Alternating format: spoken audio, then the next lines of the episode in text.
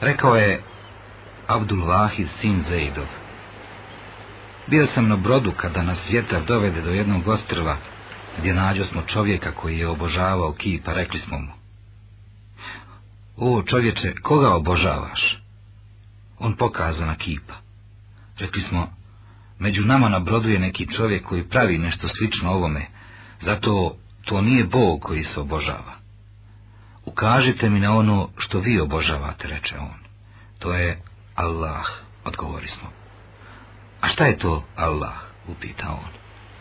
Rekli smo, to je vladar čije prijesto iznad nebesa, njegova vlast na zemlji, a odredba među živima i mrtvima. A kako ste saznali o njemu, upita. Taj vladar nam je poslao plemenitog poslanika koji nas je o svemu tome obavijestio, odgovori smo. A šta je to poslanik radio, reče. Dostavio je poslanicu, zatim mu je Allah uzeo dušu, rekli smo. A je li vam ostavio kakav znak, upita on. Ostavio je knjigu vladara, odgovorili smo. Pa pokažite mi knjigu vladara. Mora da su knjige vladara lijepe, reče on.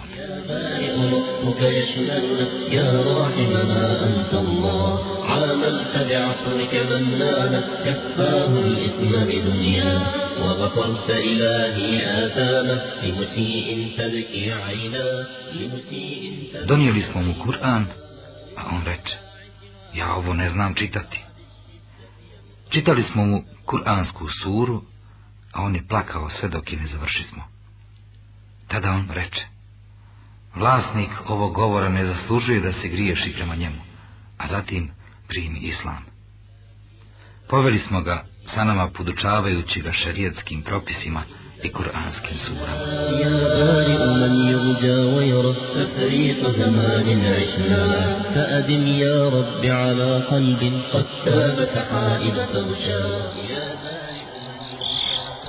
I tada nas je Noć zastrla svojim tminama, planje smo jaciju, krenu smo na počinak, a on nam se obrati. O narode, da li taj Bog na koga ste mi ukazali spava kada noć nastupi? Ne, Allahov rabe. Odgovori smo, on je živi održavatelj svega. Ne obuzima ga ni drijemežni san, jer kada bi ga obuzimali drijemež san, nastupio bi nered na nebesima i na zemlji. On reče, pa kakvi ste vi, robovi, pa po u noć spavate ne klanjajući, a vaš gospodar ne spava. Njegov govor nam se dopade.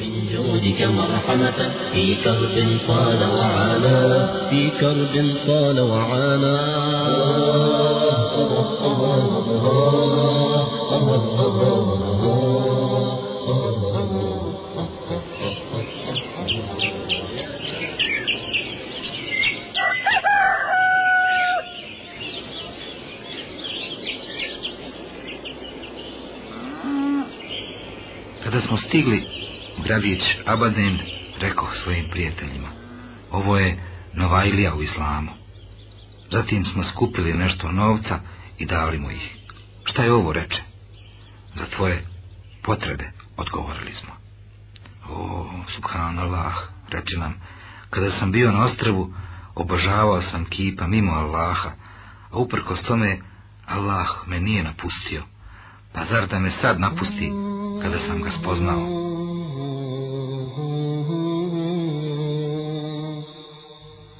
Nakon nekoliko dana rečeno mi je, on je na samrti. Došao sam do njega kazavši mu, da li imaš kakvu potrebu? A on odgovori, moje potrebe je ispunio onaj koji vas je doveo na moje ostrvo, kaže Abdul Vahid. Sam ne svlada, ja zaspah pored njega. Usnu sam vidio mezarije Abadana kao bašću u kojoj je šator od bisera, a u njemu je krevet na kojem je bila djevojka neopisivo lijepa. Ona reče, molim te, tako ti Allaha, požurite, čeznem za njim.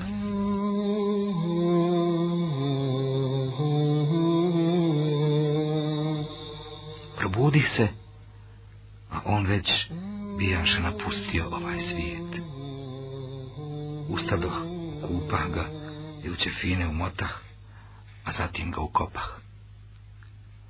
Kada je nastupila noć, zaspao sam i usno sam ga vidio sa djevojkom u šatoru kako uči iz Allahove knjige.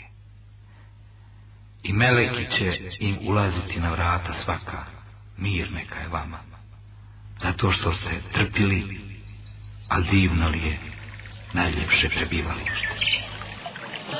Okajanje čovjeka koji je griješio prema Allahu 40 godina. Prenosi se da je Izraelčane u vrijeme Musa a.s. zadesila velika suša. Skupiše se zato ljudi obrativši se Musau a.s. O ti s kojim je Allah razgovarao, moli svoga gospodara da nam spusti obilnu kišu. Pa su izašli u pustinju, a bilo ih je više od sedamdeset hiljada. Musa Alehi Selam je rekao, Bože moj, spusti na nas obilnu kišu i obaspi nas svojom milošću. Smiluj nam se zbog djece dojenčadi i stoke na ispaši i oranulih staraca. Nakon toga nebo postade čišće, a sunce još jače. Musa Selam se začudi, upita svoga gospodara. Allah mu objavi. Među vama je rob koji mi je nepokoran već 40 godina. Musa Selam dozva ljude i obavijesti ih o tome kako bi taj griješnik istupio, jer je on razlog zbog koga im je uskraćena kiša. Zatim Musa Selam reče, Bože moj, ja sam tvoj slabašan rob. Moj glas je slab. Pa kako će svi da ga čuju, a njih je više od sedamdeset hiljada? Allah mu objavi. Ti pozovi, a mi ćemo dostaviti. On ustade i poče dozivati. O ti nepokorni robe koji griješiš prema Allahu već četrdeset godina, istupi iz naših redova da zbog tebe nam je uskraćena kiša. Tada griješni rob pogleda desno, a zatim lijevo i ne vidi da iko istupi, nakon čega shvati da je on ta tražena osoba, pa reče u sebi. Ako istupim pred ovim ljudima, bit ću osramoćen. ako ostane među njima, zbog mene će im biti uskraćena kiša. Pa uvuče glavu u svoju odjeću, kajući se za svoja djela rekaši. Bože moj, griješio sam prema tebi četrdeset godina. Sada ti dolazim pokoran, pa primi moje pokajanje. On i ne završi za svojim govorom, a bijeli oblak se nadvi i proli se obilna kiša. Bože moj, upita Musa, zbog čega nam spusti kišu, a između nas niko ne istupi? Allah mu odgovori. O Musa, dao sam vam kišu radi onog zbog kojeg sam vam je zabranio. Musa alih islam reče, Bože moj, pokaži mi tog pokornog groba. O Musa, reče Allah, ja ga nisam osramotio kad mi je bio nepokoran, pa zar da ga osramotim sada, kada mi je pokoran? Tako je samo jedan griješnik bio razlog da Allah zabrani kiši da pada, pa šta tek onda reći za čitav muslimanski umet koji griješi prema Allahu izuzev onih kojima se on smilovao? Pa hoće li se neko pokajati prije nego što nastupi smrtni čas? Istinu je rekao uzvišeni Allah kada kaže u svojoj plemenitoj knjizi i povratite se gospodaru svome i pokorite mu se prije nego što vam kazna dođe. Poslije vam niko neće u pomoć priskočiti i slijedite ono najljepše, ono što vam gospodar vaš objavljuje, prije nego što vam iznenada kazna dođe, da čiji dolazak neće Joe Michel, 36-godišnjak, direktor kršćanske misionarske organizacije, došao iz Njemačke radi posla u Somaliji. Mišel je bio jedan od istaknutih, talentovanih rukovodilaca i nadzornika ekipe za njegu bolesnika. Zato i nije bio iznenađen viješću o njegovom postavljanju na mjesto direktora ekspedicije i administracije projekta. Sredinom 1987. godine ekspedicija polazi. Ispred sebe ima kartu i plan pokrštavanje takozvanog afričkog roga pod transparentom borba protiv bolesti sljepila. Mišlov govor je čist i ugodan za uho, jer izvire direktno iz srca, pa s obzirom da se naš govor sigurno razlikuje od Mišlovog u pogledu iskrenosti i emotivnosti, prepuštamo riječ njemu. Moja radost i sreća koju sam osjetio u Somaliji sa Somalijicima bila je velika. Možda zato što su nas tako lijepo primili, a možda i zbog toga što smo poznavali siromaštvo u kojem su živjeli, dok su istovremeno bili ponosni kao da su jedni od najbogatijih ljudi. Ili pak možda zbog njihovih plemenitih dobrih lica na kojima sam uprkos njihovoj mrkloj i zagasitoj boji mogao sa lahkoćom protumačiti svaki njihov pokret ili šaret. Osjećao sam veliku ljubav prema mom radnom mjestu. Izgleda da sam ja, uslijed moje zauzetosti poslom, moje radosti i poštovanja koje sam osjećao prema somalijskom narodu, zaboravio na moj glavni zadatak zbog kojega smo i došli. Nevjerovatnom brzinom stekao sam prijatelje muslimane koji su se već raspitivali o meni i o kojima sam se i ja raspitivao. Potpuno sam se predao borbi protiv bolesti sljepila i već sam rukovodio liječenjem na desetine oboljelih. I kada bi prolazio pored kakvog skupa, ili kroz bilo koju ulicu. Riječi pohvale su dolazile iz usta svakog od njih. Razumijevao sam njihove riječi, uprkos tome što su ih izgovarali na drugom jeziku. Međutim, to je bio jezik emocija i osjećanja. Nakon pet mjeseci sjajnih uspjeha u liječenju sljepila, dođe mi telegram iz ureda predsjednika organizacije koja rukovodi realizacijom projekta iz Njemačke. Rekao sebi, Mora da je ovo radosna vijest. Sigurno traži od mene da se hitno vratim, kako bi mi se zahvalili na svesrednom radu, ili pak možda hoće da meni i članovima ekspedicije podijele poklone i dodijele odlikovanja. Nikako nisam mogao da rastumači njihov čudan zahtjev da se obavezno moram zaputiti u Englesku, kako bi prisustvovao novom kursu koji će mi pomoći u realizaciji uspjeha moga posla, koji je tekao u najboljem redu. Pa kakva je onda korist od kursa za čovjeka poput mene, koji je na svim dosadašnjim kursevima uvijek bio prvi? Nikako to nisam mogao protumačiti, stoga jedino što sam mogao uraditi, bilo je da se odazovem. Putovao sam u Englesku i tamo pravio čitav mjesec, a zatim sam se vratio u Njemačku, priželjkujući naređenja u povratku u Somaliju i nakon sedam dana dođe naredba ideš u Tanzaniju. I po drugi put nisam bio u stanju razjasniti moje slanje u Tanzaniju uprkos mom uspjehu u Somaliji.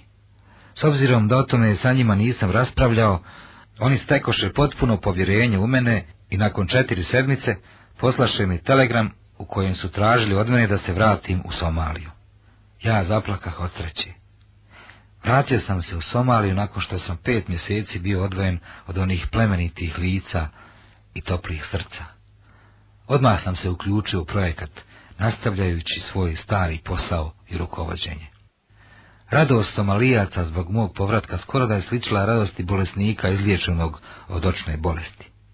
I kada me ne bi optužili da pretjerujem, rekao bi da su se oni obradovali meni, kao što bi se obradovao slijepac kojim bi se vratio vid. To je ono što sam osjećao, a posebno od mog prijatelja Muhammeda Bahura. Muhammed me je pozvao da ga posjetim u njegovoj kući. Tamo sam naišao na toplu i predivnu dobrodošlicu od strane njegove porodice i komšija. U toku sjela sa njim bio sam iznenađen čovjekom koji je vrlo dobro govorio engleskim jezikom. To me je veoma obradovalo a još više sam bio obradovan sa znanjem da je to Muhammedov otac. Eto, prilika se ostvaruje i to je taj drugi važniji dio mog posla u Somaliji koji treba da bude ostvaren. Uistinu je problem sa jezikom, velika prepreka koja stoji ispred pokrštavanja. Međutim, postojanje čovjeka kao što je ovaj, mnogo će mi pomoći u objašnjavanju dimenzija kršćanskog propovjedanja, a posebno što ga svi cijene i poštuju na način koji gotovo sliči strahopoštovanju. Očekivao sam od ovog čovjeka da će biti ključ propovjedanja evanđelja i pokrštavanja u čitavom regionu. Rekao sebi, otvorit ću sa njim govor o vjeri, uopšteno, pa ću onda prijeći na govor o Inđilu, Isau, kojeg svi muslimani vole i poštuju, što sam ja lično otkrio i u što sam se uvjerio nekoliko puta. I ne znam šta se to dogodilo i kako je ovaj čovjek otkrio da ja želim s njim razgovarati o vjeri. Prije nego što sam i započeo sa svojim govorom, vidio sam da u ruci drži primjerak Kur'ana. On me upita, da li znaš za ovu knjigu? Nasmio sam se i nisam odgovorio, bojeći se da ga ne izazovem ili pak da kroz odgovor ne otkrijem moj pravi zadatak. Po drugi puta sam osjetio da taj čovjek čita moje misli i da je prozreo moje namjere. Pružio mi je šansu da izađem iz čorsokaka kakav koji sam dospio, pa je on počeo pričati o Inđilu i Isau, alaihissalam, zatraživši od mene da ga upitam o bilo kojem pitanju vezano za Kur'an ili Inđil, na koje želim da mi on odgovori. Rekoh, kako to? U Kur'anu je odgovor za sve, reče. Završila se moja posjeta, ja se vratih na svoj posao, zatim u mjesto mog boravka, razmišljajući o tome kako prodrijeti u misli i razum onog čovjeka. Kada bi u tome uspio, nesumnjivo bih napravio veliki korak i kasnije bi mi bilo lakše da upecam i ostale ljude. Uze je da čitam neke knjižice i brošure, i sam sebi se poče rugati, osjećajući se kao učenik koji treba da polaže neki važan ispit. Malo se smirih, pribrah, pa rekoh, pa nije to ništa, izgleda da sam to ja samo preoveličao više nego što treba. Ovladati načinom razmišljanja jednog čovjeka kao što je Muhammedov otac je prosta stvar, to je sigurno lahko, a zatim sam otišao na posao. Kada sam završio s poslom, počeo sam tražiti Muhammeda Bahura, želeći se dogovoriti s njim o ponovnoj posjeti, kako bi se sreo sa čovjekom ključem. I pao je dogovor i desi se ponovni susret. Sam početak govora bio je iznenađenje. Čim smo zasjeli, upitao me je o prirodi mog posla. A ja sam odgovorio, bavim se medicinom. On mi reče, Plemeniti Kur'an do u detalje pojašnjava proces stvaranja i razvoja čovjeka i sve one promjene koje se dešavaju prilikom toga. Rekoh, kako? On kao da je samo čekao zeleno svjetlo, naglo poče govoriti na čistom engleskom jeziku. I nije to važno. Važnije od toga je bilo to što su svaku riječ koja bi izašla iz njegovih usta pratile jake emocije i osjećanja. Iskreno vam kažem, bio sam veoma iznenađen i zapanjen knjigom koja je stara više od 1400 godina, a koja govori o načinu razvoja embriona u materici žene. Studirao sam dugi niz godina imao veoma napornu praksu i sam poznajem faze razvoja embriona, ali ono što je ovaj čovjek spomenuo jako me je privuklo, a istovremeno i rastužilo. Kao i obično, malo sam se smirio i pribrao kako bi mogao zaspati. Zadužio sam članove ekspedicije na poslu nekim mojim zadacima i počeo razmišljati o tome kako da uspijem u realizaciji drugog dijela mog zadatka koji se zove pokrštavanje, kao što sam uspio realizaciji prvog dijela tog posla u borbi protiv bolesti sljepila. Tačno je da volim Somaliju i Somalice. Međutim, ja također volim svoj posao, volim kršćanstvo. Pa zašto onda da ne pokušam da ih privučem njemu? Ponovo sam bio prinuđen da od Muhammeda Bahura tražim dozvolu da ga posjetim. Međutim, prije nego što sam i uspio zatražiti to od njega, on me iznenadi svojim pozivom i zahtjevom da ako mogu posjetim njegovog oca svaki dan, jer on to želi i voli da malo posjedimo i popričamo. Ja se odmah obradovah, međutim, rekao sebi, kako da se radujem, kada još nisam uspio uticati na njega. Uvijek je on taj koji započinje priču, pa zašto ne bi ja prešao u kontranapad? Neću vam pričati o pojedinostima onoga što se desilo prilikom treće, četvrte i pete posjete bio sam potpuno nemoćan. Odlazim čovjeku potpuno spreman za razgovor.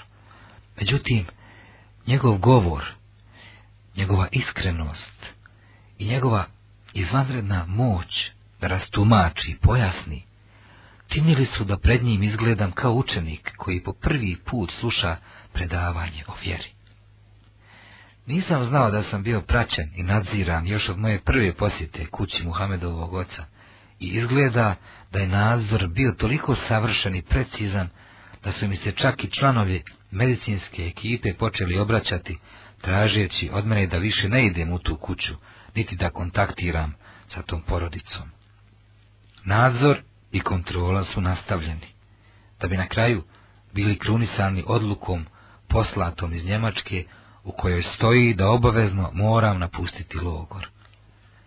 I na samo dan prije izvršenja naredbe otkrio sam rješenje o prebacivanju Muhameda Bahura na drugo radno mjesto. Nije bilo sile koja bi me spriječila da i dalje volim Muhameda Bahura, njegovog oca i njegovu porodicu i da volim sve Somalice. Proboravio sam u Mogadišu još par dana.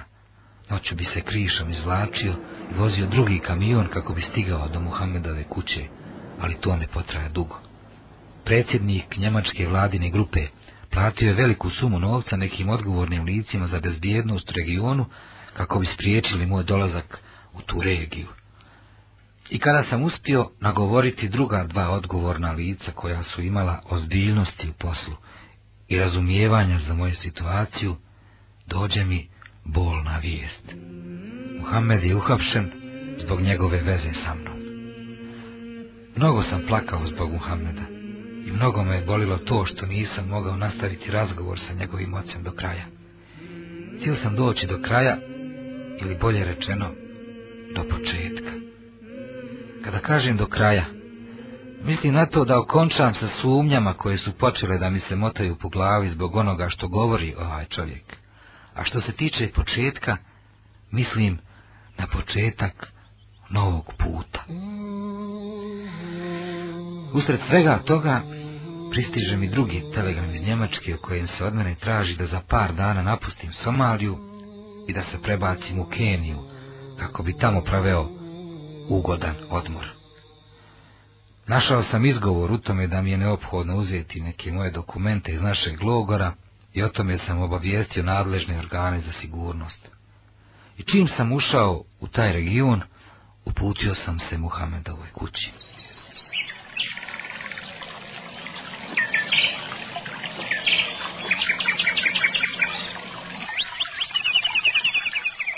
U kući se naišao na neuobičajenu radost i veselje.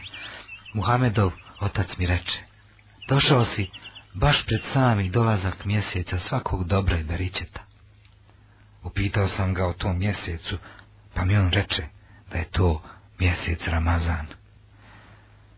Sehurio sam zajedno sa njima i namalo prije sabah namaza. Bio sam svjedok kako ljudi iz čitave regije izlaze da klanjaju.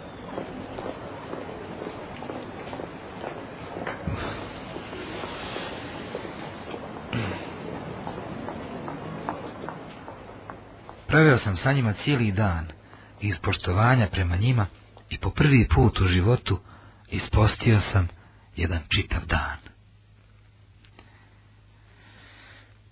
Na aerodromu u Nairobiju sam dočekan i tu mi je rečeno da ću umjesto u hotelu boraviti u nekoj velikoj kući. Lijepa dobrodošlica i ljubaznost su bili više nego očigledni. Međutim, nakon nekoliko sedmica dobio sam drugu, još bolniju informaciju. Došao mi je telegram koji mi je stajalo. Ne možeš se više vratiti u Somaliju iz bezbjedonosnih razloga. Zašto? Kako? I u čiju korist je donesena ova odluka? Nisam našao nikuda da mi odgovori na moje pitanje. Malo se smirih, sjetivši se lijepog ponašanja Muhammeda, njegovog oca, njegove porodice prema meni i sjetivši se lica svakog sama kojeg sam sreo. Stiglo mi je preporučeno pismo od mog oca koji je od mene tražio da se što prije vratim u Njemačku. Redovi pisma su govorili da je moj otac saznao za neke informacije po im je zaključio da bi moj boravak u Somaliji mogao biti opasan za mene. Također sam otkrio da moji nadređeni u Njemačkoj imaju detaljan izvještaj o meni i svim mojim kretanjima i aktivnostima i tada ja donesoh odluku.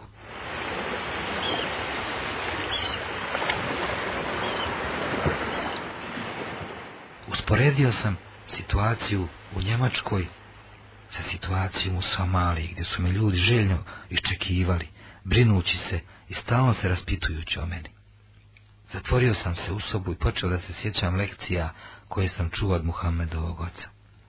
Pripremio sam bijeli papir i donio odluku i svojim nadležnim u Njemačkoj napisah sljedeći telegram. Budite potpuno spokojni. Sve je onako kako se samo poželjeti može. Prihvatit ću islam. Svoje pismo stavio sam u poštansko sanduče već jednom ukončam svu onu uznemirenost, napetost. Dok sam išao ka pošti, osjećao sam se kao mladoženja na dan svadbe. Otišao sam kod svojih prijatelja u Nairobiju i rekao im, odlučio sam da se vratim u Somaliju koliko god me to koštalo. Vratit ću se, makar to dovelo i do mog ubijstva. Naravno, bilo je sasvim normalno da neću moći naći sredstva da tu svoju odluku sprovedem u djelo. Prodao sam neke lične stvari, su svoju odjeću osim one koja je bila na meni i tri para cipela koje sam donio sa sobom. Pa sam tako uspio zakupiti novac za kartu, kartu do vjerovanja. Stigao sam u Mogadiš, a zatim u kuću Muhammedovog oca. Čim me je zagrlio, rekao sam mu tihim glasom. Svjedočim da nema drugog Boga osim Allaha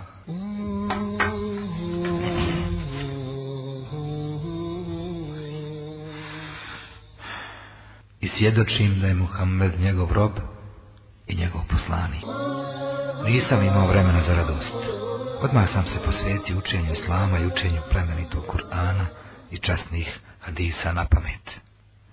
Somalici su bili jako oduševljeni sa mnom. I pošto su odgovorna lica u regionu dio ovog plemenitog naroda, uspjeli su da mi izdaju rješenje koje mi dozvoljava kretanje i življenje među njima u bilo koje vrijeme i na bilo koje mjestu, kao njihovom novom bratu muslimanu koji se sada zove Abdul Jabbar.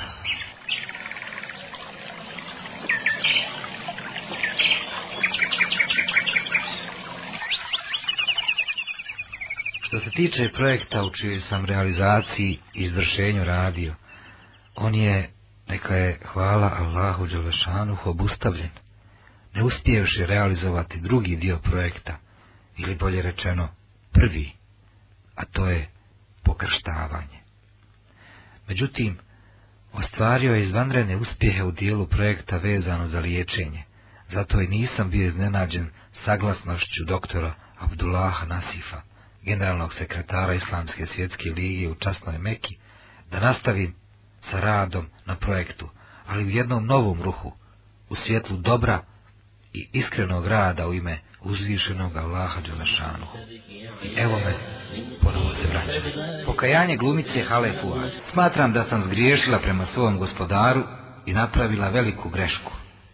Pa zbog toga želim da mi Allah oprosti. Ovo je rekla nekadašnja glumica Hala Fuad nakon što se pokajala i povukla iz svijeta umjetnosti. Pokrila se, izjavila da se u potpunosti posvetila svom mužu djeci i kući. U svojoj priči ona kaže, još od malih nogu neki snažan osjećaj vukao me ka vjeri i usmjeravao ka lijepom i moralnom ponašanju, ili tačnije rečeno, osjećala sam to u periodu dok sam pohađala osnovnu školu. Nisam voljela život pod reflektorima, niti pojavljivanje i isticanje u društvima umjetnika. Moja najveća radost bila je da ostanem u svom domu.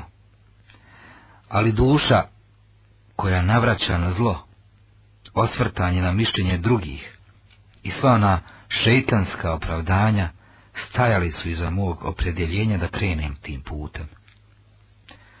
Uzvišeni Allah je htio da me iskuša nevoljom koja me je vratila mojoj prirodnoj vjeri i kroz koju mi je postalo jasno da sam na stramputici, a sve to u samo par trenutaka u kojima sam bila tako blizu smrt. Bilo je to za vrijeme mog zadnjeg porođaja, kad je posteljica začepila uski dio materice. Doktori su mi tri dana prije porođaja davali sredstva koja dovode do vještačkog nagona za porođaj. Počela sam puno da krvarim, što je prijetilo mom životu, pa je na mene izvršen carski rez. Nakon ove operacije, sedam dana sam muku mučila sa bolovima. I sedmog dana kada sam trebala da napustim bolnicu, iznenada me je zabolila desna noga, koja mi je malo kasnije otekla i promijenila boju. Doktori mi rekoše da imam ugrušak u krvi. U tim trenucima u meni se probudi osjećaj koji mi je govorio. Allah neće biti zadovoljan sa tobom i neće te izliječiti sve dok se ne povučeš iz glume, jer ti si u stvari ubijeđena da je gluma zabranjena. Međutim, ti to sebi uljepšavaš. Taj osjećaj me je uznemirio, jer sam tada puno voljela glumu i nisam mogla ni zamisliti život bez nje. A istovremeno, bojala sam se da ako se malo povučem iz glume, pa se ponovo po drugi put vratim, pa će Allahova kazna za mene biti žestoka.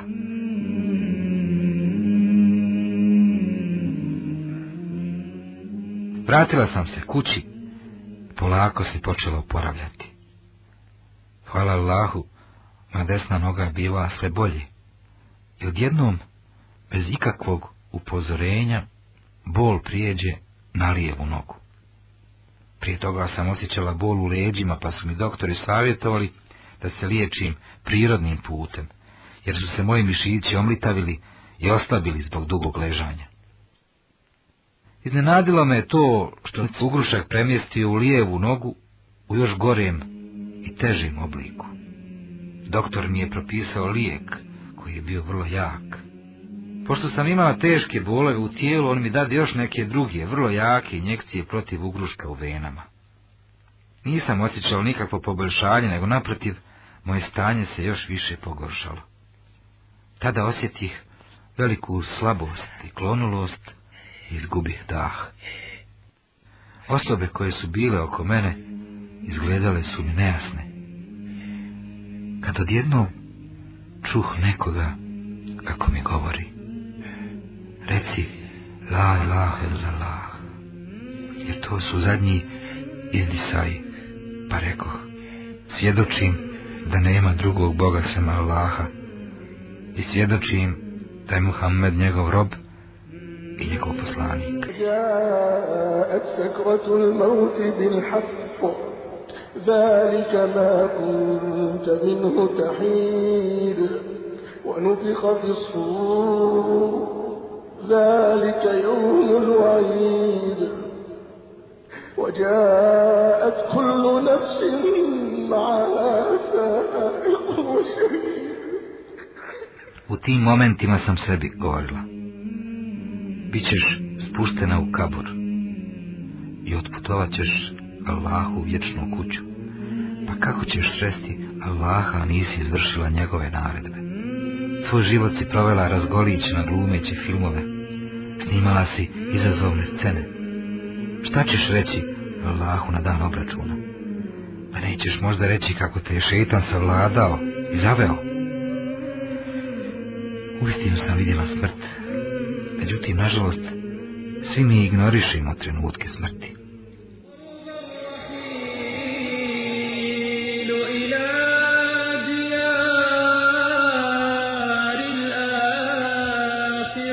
Tako se ja u tih par trenutaka obračuna sa svojom dušom, a zatim odjednom počeh osjećati kako mi se vraća dah i kako ponovo diš jasno ugledah sve one koji su stajali oko mene.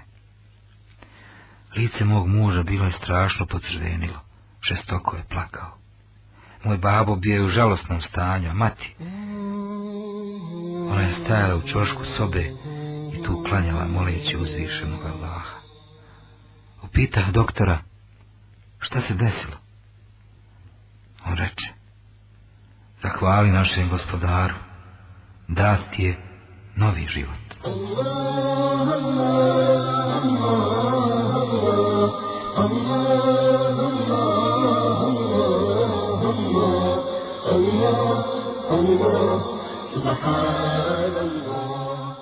Ja počeh razmišljati o ovom događaju koji mi se dogodio, a koji je zapanjio doktore i sve one koji su se nalazili oko mene.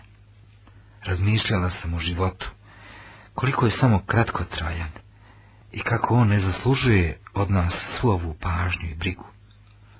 Odlučih da se pokrijem i da se posvetim porodičnom životu i djeci i da svu svoju pažnju i snagu usmirim ka njihovom ispravnom odgoju, a to je za ženu najveličanstvenija zadaća. I tako se Hala vrati svom gospodaru i objelodani svoju posljednju odluku o odlasku iz svijeta glume i napuštanju tog zanimanja zanimanja koje od žene čini jeftinu marionetu sa kojom se poigravaju sledbenici strasti i robovi Dunjaluka. No međutim, ova odluka se nije svidjela mnogim trgovcima ženskim tijelima. Oni rekoše da je poludila i da je napustila glumu zbog bolesti i nemogućnosti da i dalje nastavi da se bavi tim zanimanjem. Ona im na to odgovara. U svijetu umjetnosti ima onih koji su veće zvijezde od mene, koji su popularniji i koji imaju više iskustva od mene, ali ipak su donijeli istu odluku. A zatim dodaje, čudno je to što se umjetničko društvo podijelilo u pogledu moje odluke na dvije skupine. Jedni od njih mi čestitaju, a drugi me optužuju i govore da sam poludila ako je pokoravanje Allahovim naredbama ludost. Ja mogu samo da iskreno zamolim Allaha da i oni budu ludi, kao što sam i ja sada. O stanju kojem se nalazila prije pokajanja i o njenom ličnom stavu prema svojim kolegicama koje su se pokajale prije nje kaže.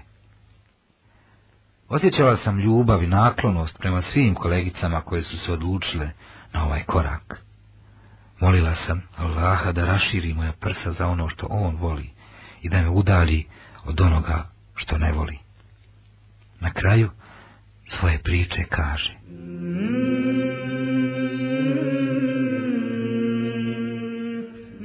Glumica Hala Fuad je nepovratno umrla, a nova Hala Fuad nema nikakve veze sa tom osobom, koja je otputovala sa ovog dunjaluka.